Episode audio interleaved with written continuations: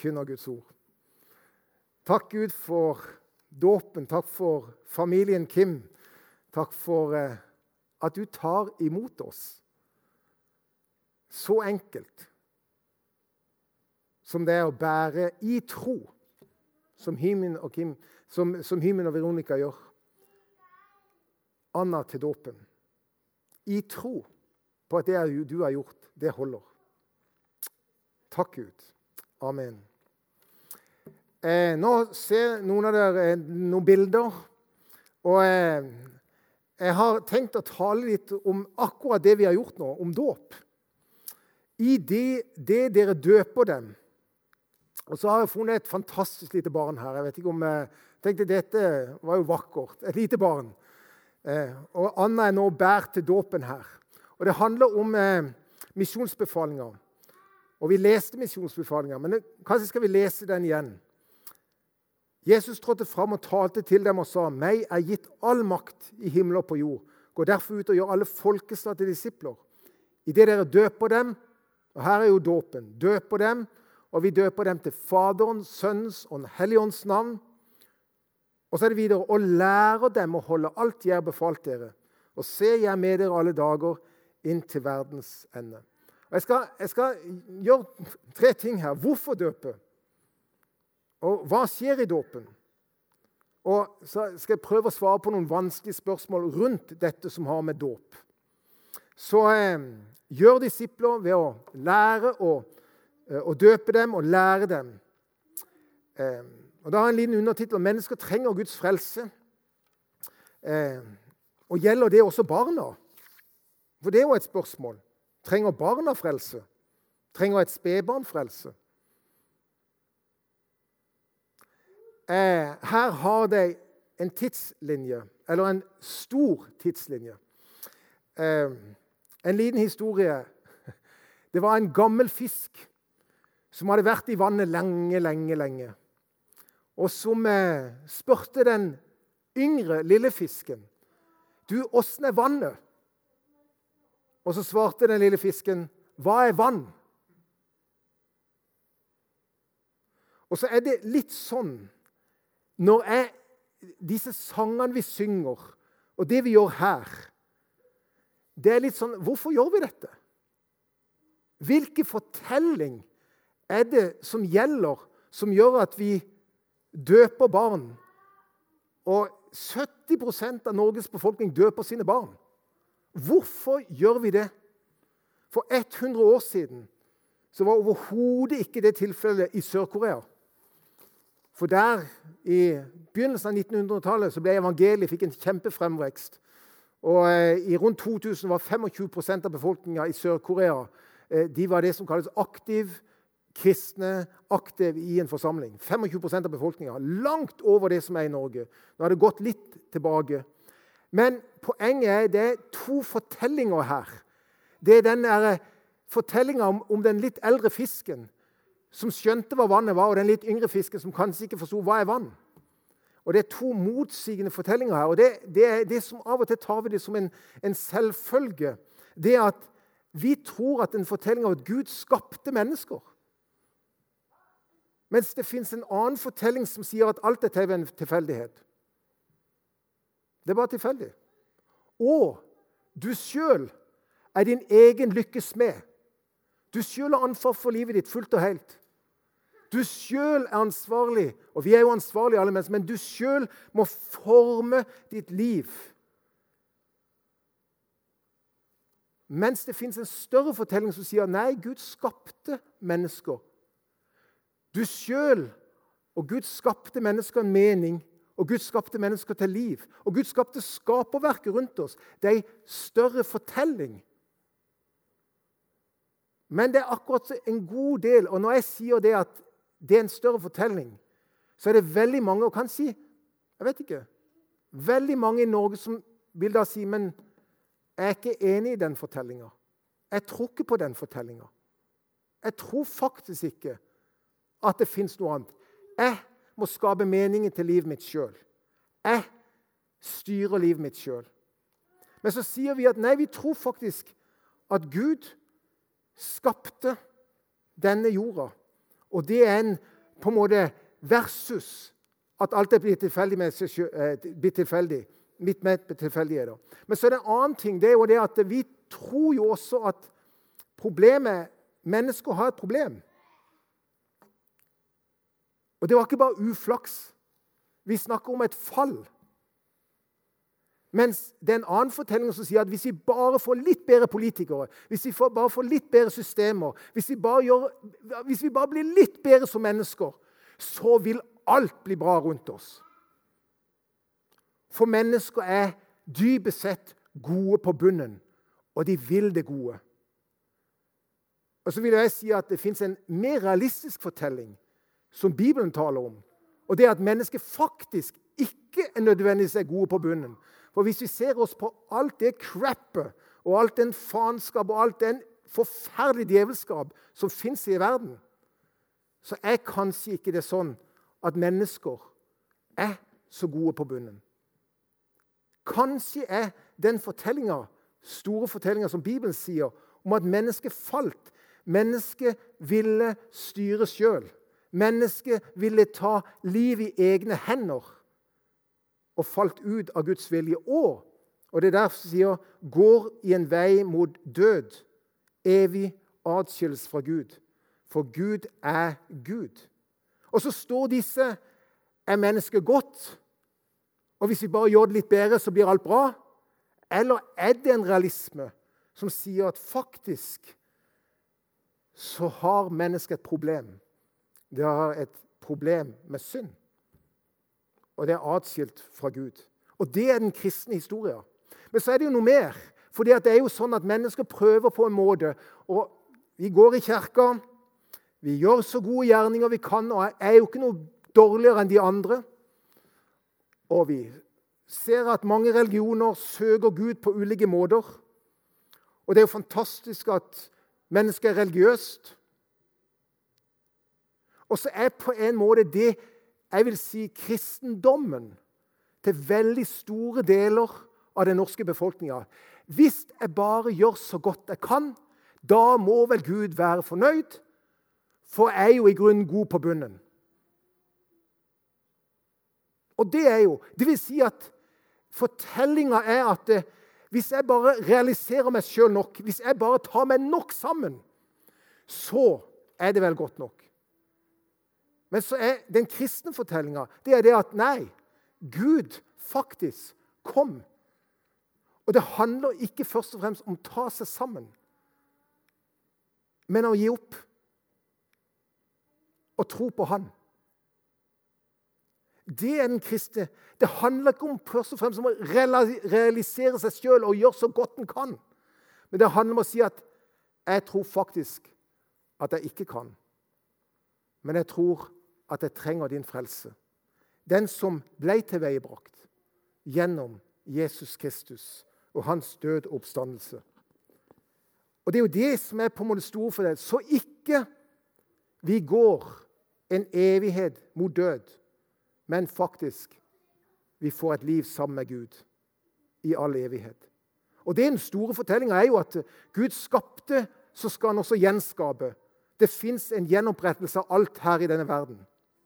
Og Poenget er med, Hvorfor sier jeg dette? Jo, fordi det, det står noen fortellinger imot.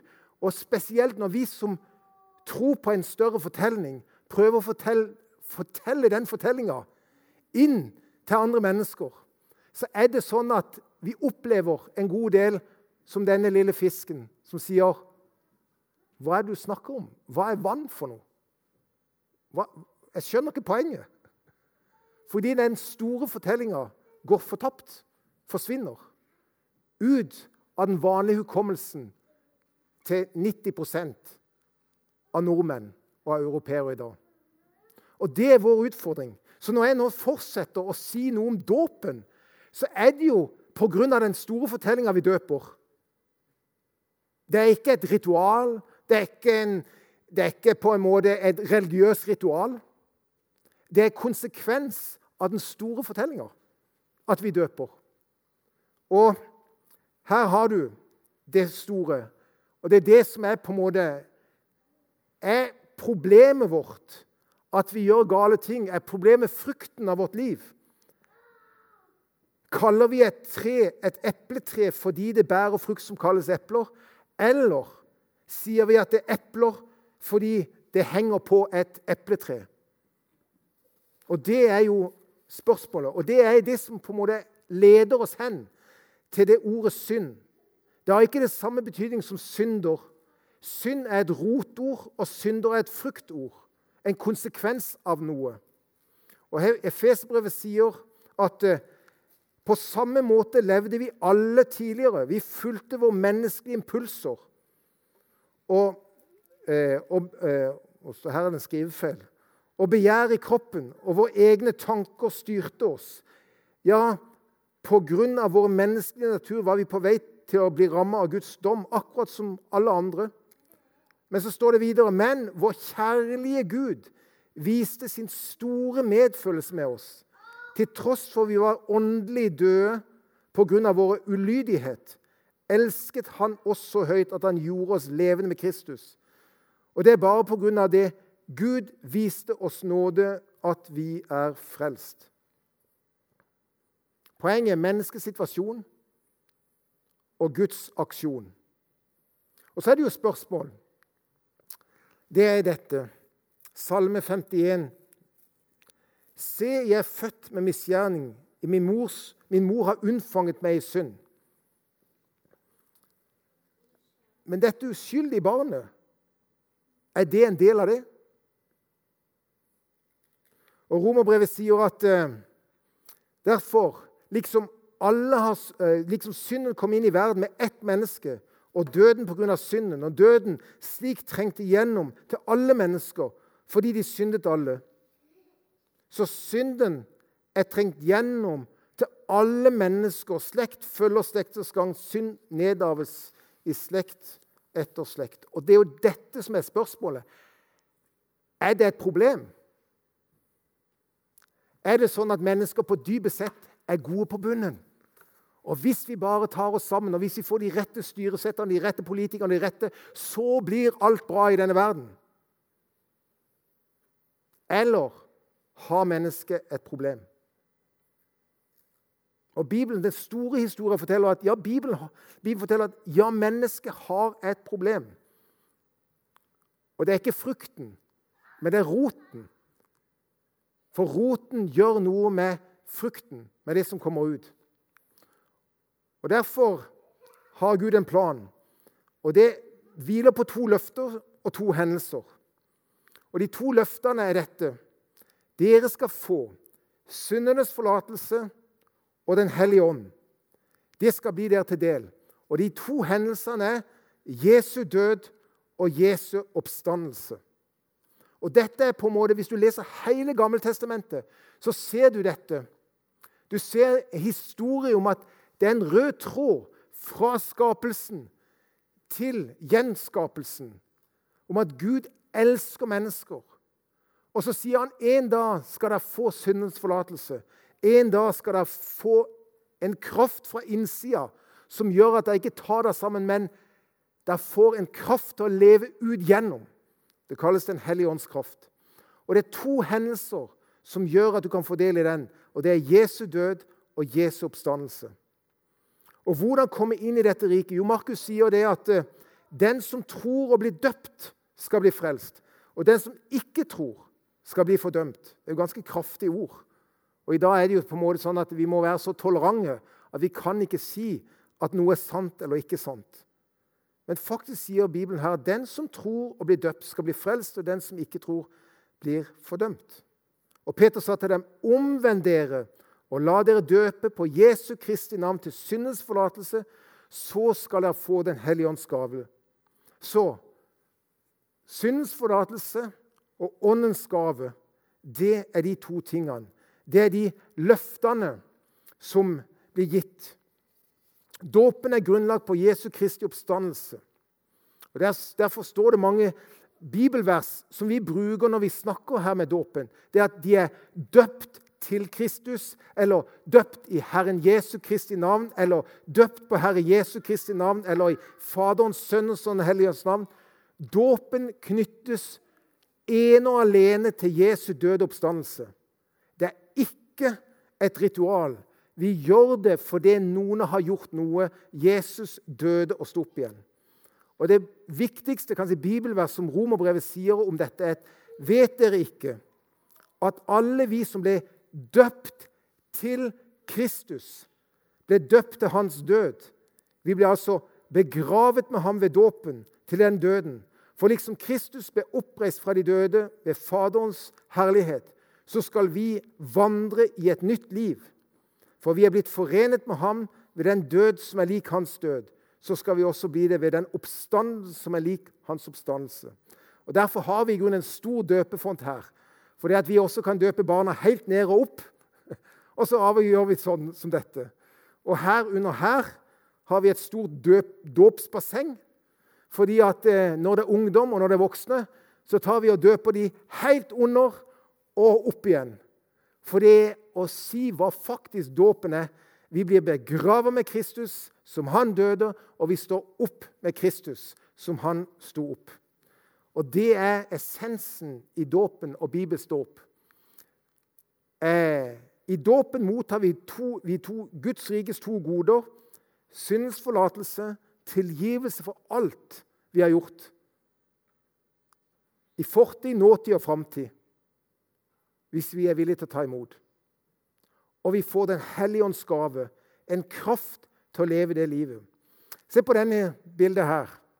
Er det noen som vet hva det er? Det er Noah. Og det var jo sånn at Noah, Gud snakka til Noah. Bygg en ark på et fjell. Vi ville jo ha ledd av han, og de fleste lo av han når han begynte å bygge arket på et fjell. For det er helt klart, Hadde ikke han begynt å bygge, så kan det være det ble sånn. Men hadde han ikke vært lydig i det hele tatt med Gud, så kunne det vært sånn. Men faktisk var Noah lydig og gjorde det Gud sa.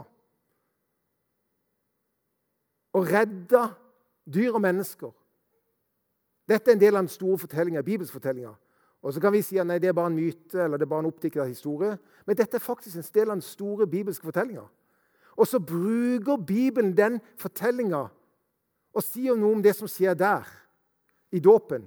Og sier det at Ja, men du skjønner, det som skjer i dåpen, det er at den som tidligere var ulydige, den gang da Guds langmodighet ventet i Noas dager mens arken ble bygd I den ble noen få, det er åtte sjeler, frelst ved vann. Det som også nå frelser i sitt motstykke dåpen. Og så bruker han et nesten skremmende, radikalt bilde på hva som en gang skjedde der Gud måtte dømme verden av at verden ikke klarte å ta seg sammen nok til å bli god nok. Og så frelser Gud gjennom Noah menneskeheten. Og så sier han og motstykket er dåpen. Så når vi døper barnet til Kristus, så døper vi det til det livet som er med Kristus og i Kristus. Og godene gis i dåpen. Apostelgjerningene sier og nå, hva venter du? Stå opp og la deg døpe og få dine synder vasket bort idet du påkaller Hans navn. Og Galaterbrevet sier for dere, så mange som er døpt til Kristus, er ikledd dere Kristus. Og Det vi lærer, er også er at faktisk dåpen er ingen garanti. Jeg skrev en omhandling om dåpen da jeg gikk på Menighetsfakultetet. Der det var utvikla en lærer som sa at hvis du er en gang er døpt, så er du alltid frelst. For dåpen holder. For alltid. Uansett hva du gjør i livet. Uansett hva du velger. Er det sånn? For oss så er dåpen starten på det nye livet. Der en oppøves til troens lydighet, til et liv sammen med Kristus. For Poenget er at vi skal døpe og lære å holde det Jesus har befalt. Og det er jo på en måte, Dåpen er begynnelsen, og så skal vi lære å holde. Og Målet med det er at faktisk han ønsker å likedanne seg med seg sjøl, så at vi blir mer og mer lik hans karakter og hans vesen, Jesus, Lik han i hans tjeneste og gjerning. Og føre oss inn i et evig samfunn med han. Det er hans hensikt med oss.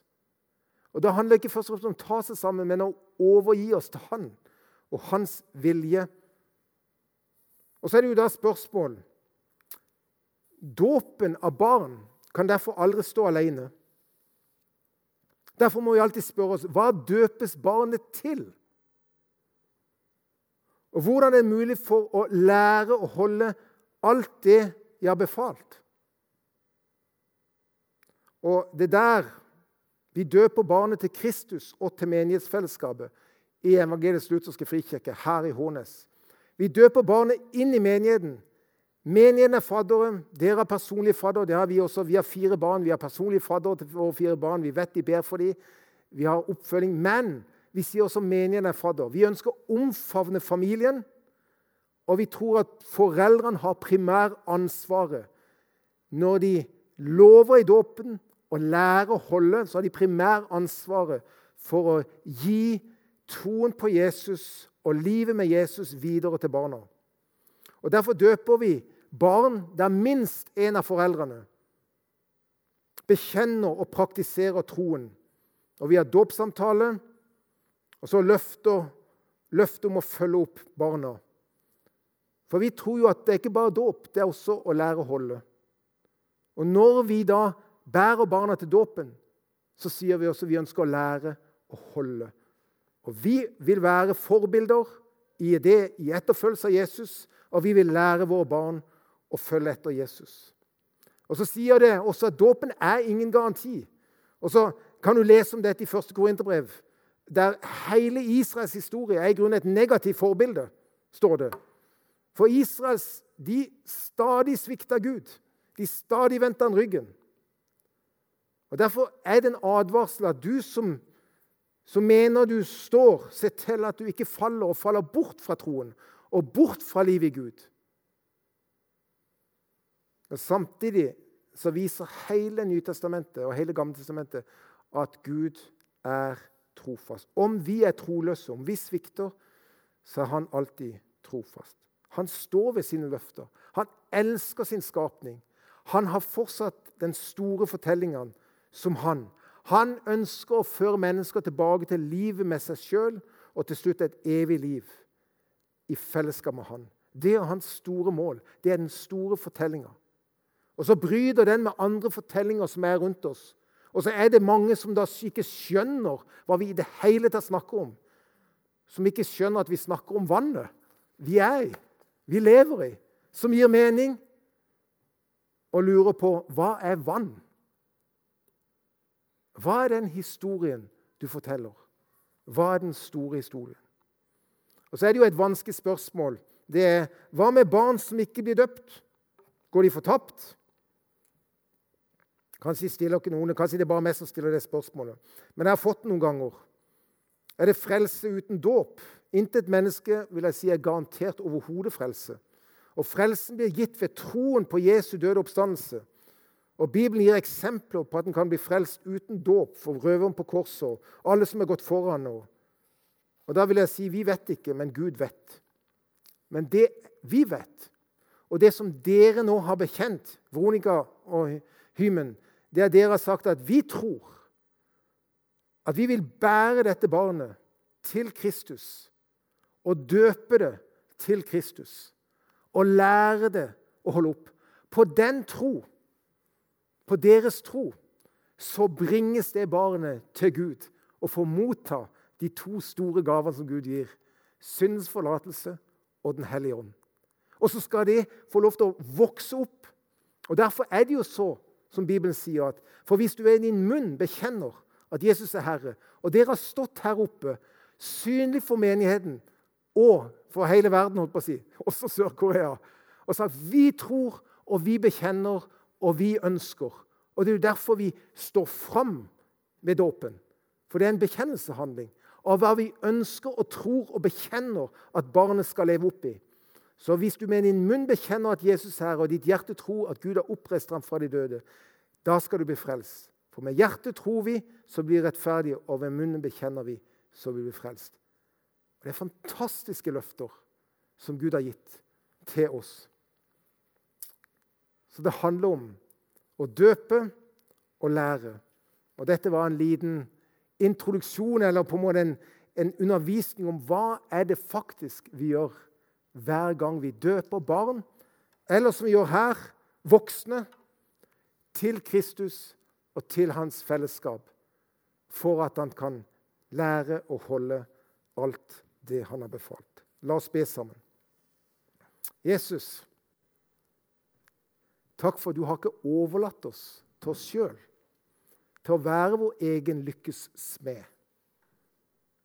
Men du har satt oss inn i en større historie, en historie som faktisk gir mening, og som er ærlig og realistisk i forhold til det å være menneske. Og vi trenger din frelse. Vi får det ikke til.